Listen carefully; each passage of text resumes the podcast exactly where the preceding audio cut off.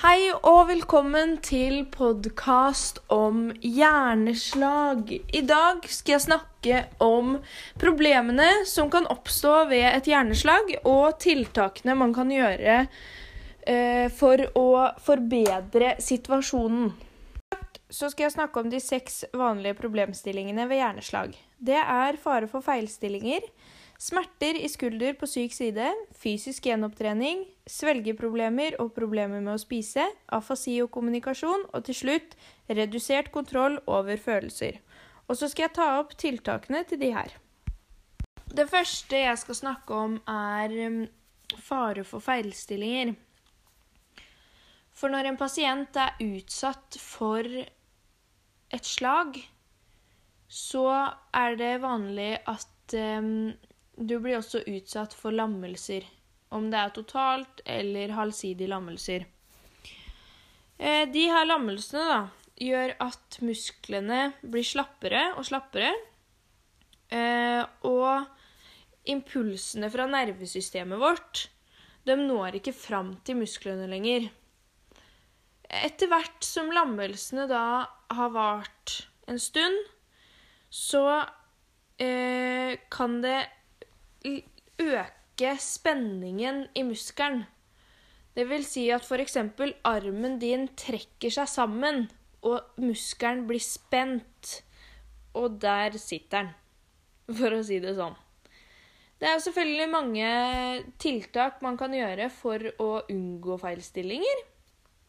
Og det er f.eks. Eh, å lage en forflytningsplan eller å eh, legge opp en liten plan på tidspunkt og på hvordan du skal Hvordan og når du skal eh, bytte stilling på pasienten, da. Det er viktig at du legger eh, pasienten i ryggleie. Og da er det eh, med alle stillinger så er det veldig viktig at du støtter den syke siden, så ikke den faller ut av stilling. Du kan f.eks. legge pasienten i toraksleie. Um, du kan legge pasienten i sideleie på frisk side og sideleie på syk side. Da må du alltid, Hvis du skal legge pasienten på den friske siden, så må du alltid huske på å støtte opp den syke, slik at ikke um, armen f.eks.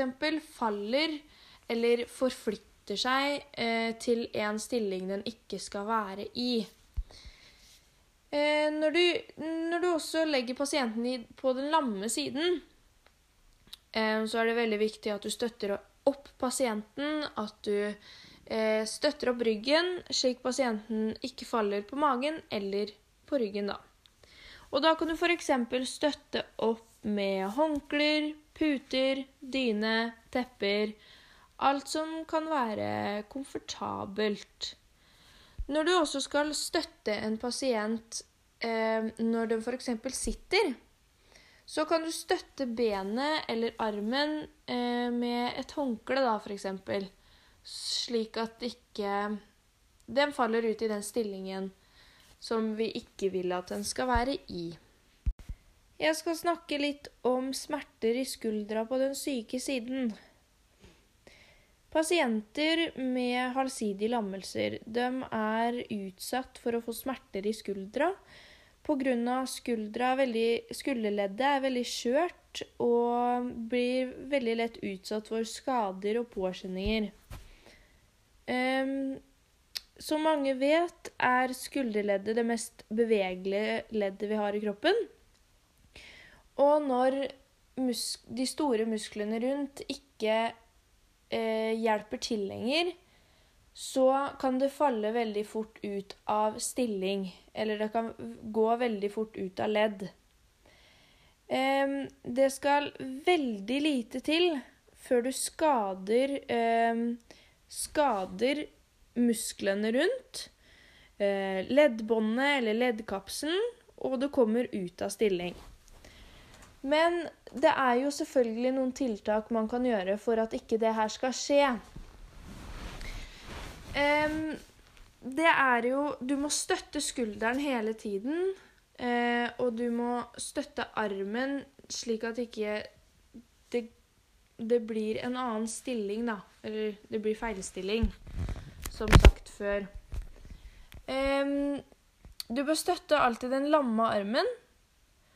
Og eh, når du skal løfte på armen eller gjøre noe med armen, så bør du holde oppe ved armhulen. Aldri dra i armen eller løft den eller gjør noen brå bevegelser med armen, ved stell f.eks., eller påkledning. Og legg alltid armen i riktig stilling. Um, slik at den blir i riktig stilling, da.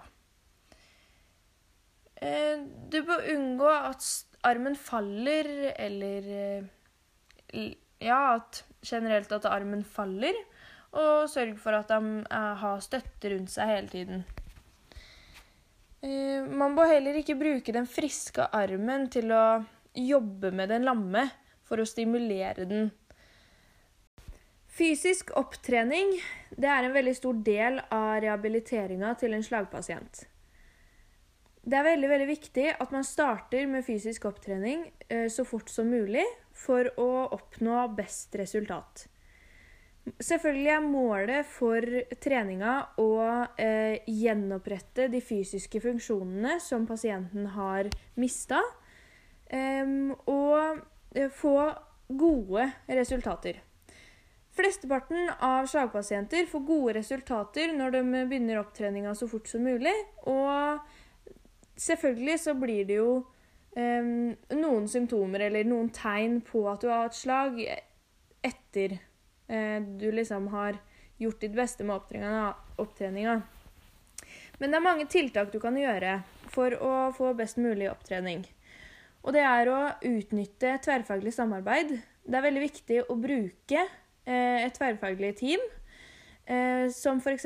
fysioterapeut, ergoterapeut, leger, sykepleier, helsefagarbeider osv. Eh, for å da få best mulig eh, mulighet til å yte så godt man kan, og få best mulig tips og sette seg flest mål. Du må ha mye fysisk aktivitet og trene, på, trene opp alle de funksjonene du har mista. Eh, som helsefagarbeider så er det veldig lurt å kjenne til den treningsplanen eh, en, pas en, pasient har. Eh, slik at du vet hva du skal gjøre, og når du eventuelt skal jobbe med hendene på ryggen, og hva pasienten skal øve på og gjøre selv. Du må observere, rapportere og vurdere grundig.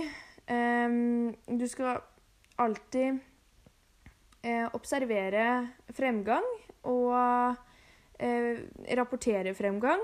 Eh, det er viktig å observere hva uh, eventuelt du kan gjøre annerledes, og hva pasienten må øve mer på.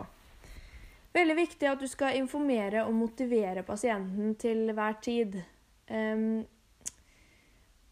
Det er en stor del av treninga å motivere en pasient. For det, jeg kan tenke meg at det er ikke veldig lett å, etter en så alvorlig skade, å tenke at nå skal jeg trene, og nå skal jeg bli bedre igjen. Men da er det veldig viktig som du som helsefagarbeider motiverer og informerer hvorfor, hvorfor pasienten gjør som de gjør og hva eh, så, Og at det kan komme noe godt ut av det man gjør, da.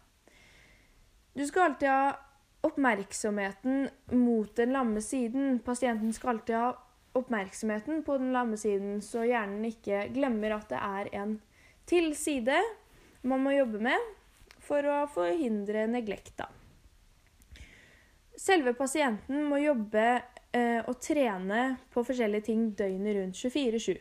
Man må alltid trene på bitte små ting og det vanlige gjøremålene man pleier alltid å gjøre. Og sette seg, sette seg små mål. Eh, og du som helsefagarbeider kan alltid sette deg ned og tenke på eh, Tenke på sammen med pasienten da, at de skal nå et eh, mål hver dag. Det er veldig lurt å tilrettelegge stell og andre dagligdagse gjøremål. Og informere om nå skal vi gjøre sånn, og hvorfor man gjør det, selvfølgelig. Og hva pasienten kan alltid gjøre selv, da. Pasienter med, som har lammelser i munnen og svelget, de kan ha et stort problem med å spise og drikke. Da er det veldig viktig å sette opp tiltak, eh, slik at det her blir lettere for pasienten, og så de kan føle seg bedre. Pasienten må sitte godt og oppreist når de spiser og drikker. Eh, da blir det mye enklere å eh, svelge maten, da. Det, det kan være lurt å plassere maten i synsfeltet Eh, slik at pasienten ser maten og vet hva de gjør. Det er viktig å, at det er noen til stede. At det er noen som hjelper pasienten hvis det oppstår problemer, f.eks. Det kan være veldig enklere for pasienten å sitte litt bøyd mot den friske siden når de spiser, så det blir enklere å tygge og svelge. Det kan være veldig lurt å dele opp maten i små biter, eller å få mat som er lett å svelge, som f.eks. most mat. Du bør passe på at det ikke blir gitt mat og drikke samtidig, så det blir et problem med svelginga. Ikke server melk for da kan det også oppstå et problem med eh, slim og opphopning av slim. Det er lurt at pasienten sitter oppreist og sitter godt i 20 minutter etter måltidet. Um, og se om de trenger hjelp med å rengjøre rundt munnen eller andre ting, da. Og så bør du legge merke til, nøye merke til eh, hva slags matprodukter som, mis, som eh, gir minst problemer, og de som gir problemer for pasienten. Med tanke på kommunikasjon med slagpasienter som har f.eks. afasi, så er det viktig at du vet hva det her dreier seg om, og vet hva det betyr å ha afasi. Du skal aldri vise at uh, du tror at pasienten er mentalt uh, redusert, for det er de vanligvis ikke. Og du må, ha, du må, forholde deg til pasienten og deres behov og ønsker, da. Tiltakene til det her det er at det skal være alltid et tilbud for opptrening med logoped. Uh, du må sørge for at du har pasientens oppmerksomhet før du skal starte en samtale med dem. Du skal alltid være oppmerksom og gi masse ros hvis de greier nye ting. Eh, du må være tålmodig, og eh, hvis de sliter med å finne ord eller setninger eh, som de ønsker eh, Det kan være til veldig god hjelp å ha en plate foran pasienten som f.eks. Eh, der det står forskjellige setninger, ord, bokstaver, slik at det kan være enklere for dem å finne det de skal si, da. Ikke snakk over pasienten, og ikke tro at eh, pasienten har dårlig hørsel hvis de ikke har det.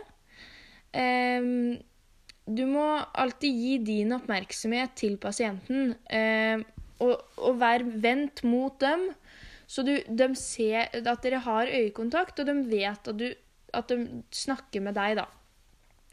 Så ikke hold på med noe annet, eller uh, gjør noe annet når du skal drive en samtale med dem. Hvis pasienten synes det er lettere å skrive, for det er det veldig mange som, som syns med afasi, da, så det, kan det være lurt å legge fram et ark, f.eks., der de kan skrive ned det de mener, eller det de vil si. Uh, og kanskje forklar alltid hva som skjer, eller har skjedd, eller Eh, skal skje, så det blir enklere for dem å forstå, da.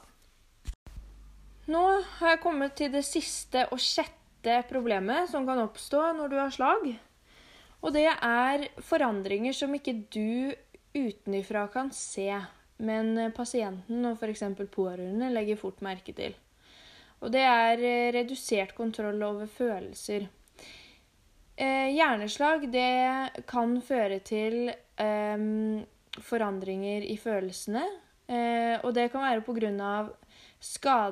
slaget har påført hjernen, eller en reaksjon på, en livssituasjon, på den livssituasjonen de har kommet i, da, som tærer veldig på. Tiltakene man kan gjøre, det er at uh, informere pasienten og pårørende om at det her er helt normalt. At det er helt normalt at uh, pasienten forandrer seg litt når det gjelder holdning og oppførsel. Du må vise at du forstår og aksepterer pasientens oppførsel uh, der og da, og at det forandrer seg etter til tider, da. Du må aldri glemme hva pasienten har opplevd og gått gjennom, og at det er en veldig brå, brå endring i livsstilen, livsstilen, da. Eller livssituasjonen. Eh, du bør gi pasienten og pårørende tid til å drøfte og ja, fordøye situasjonen godt.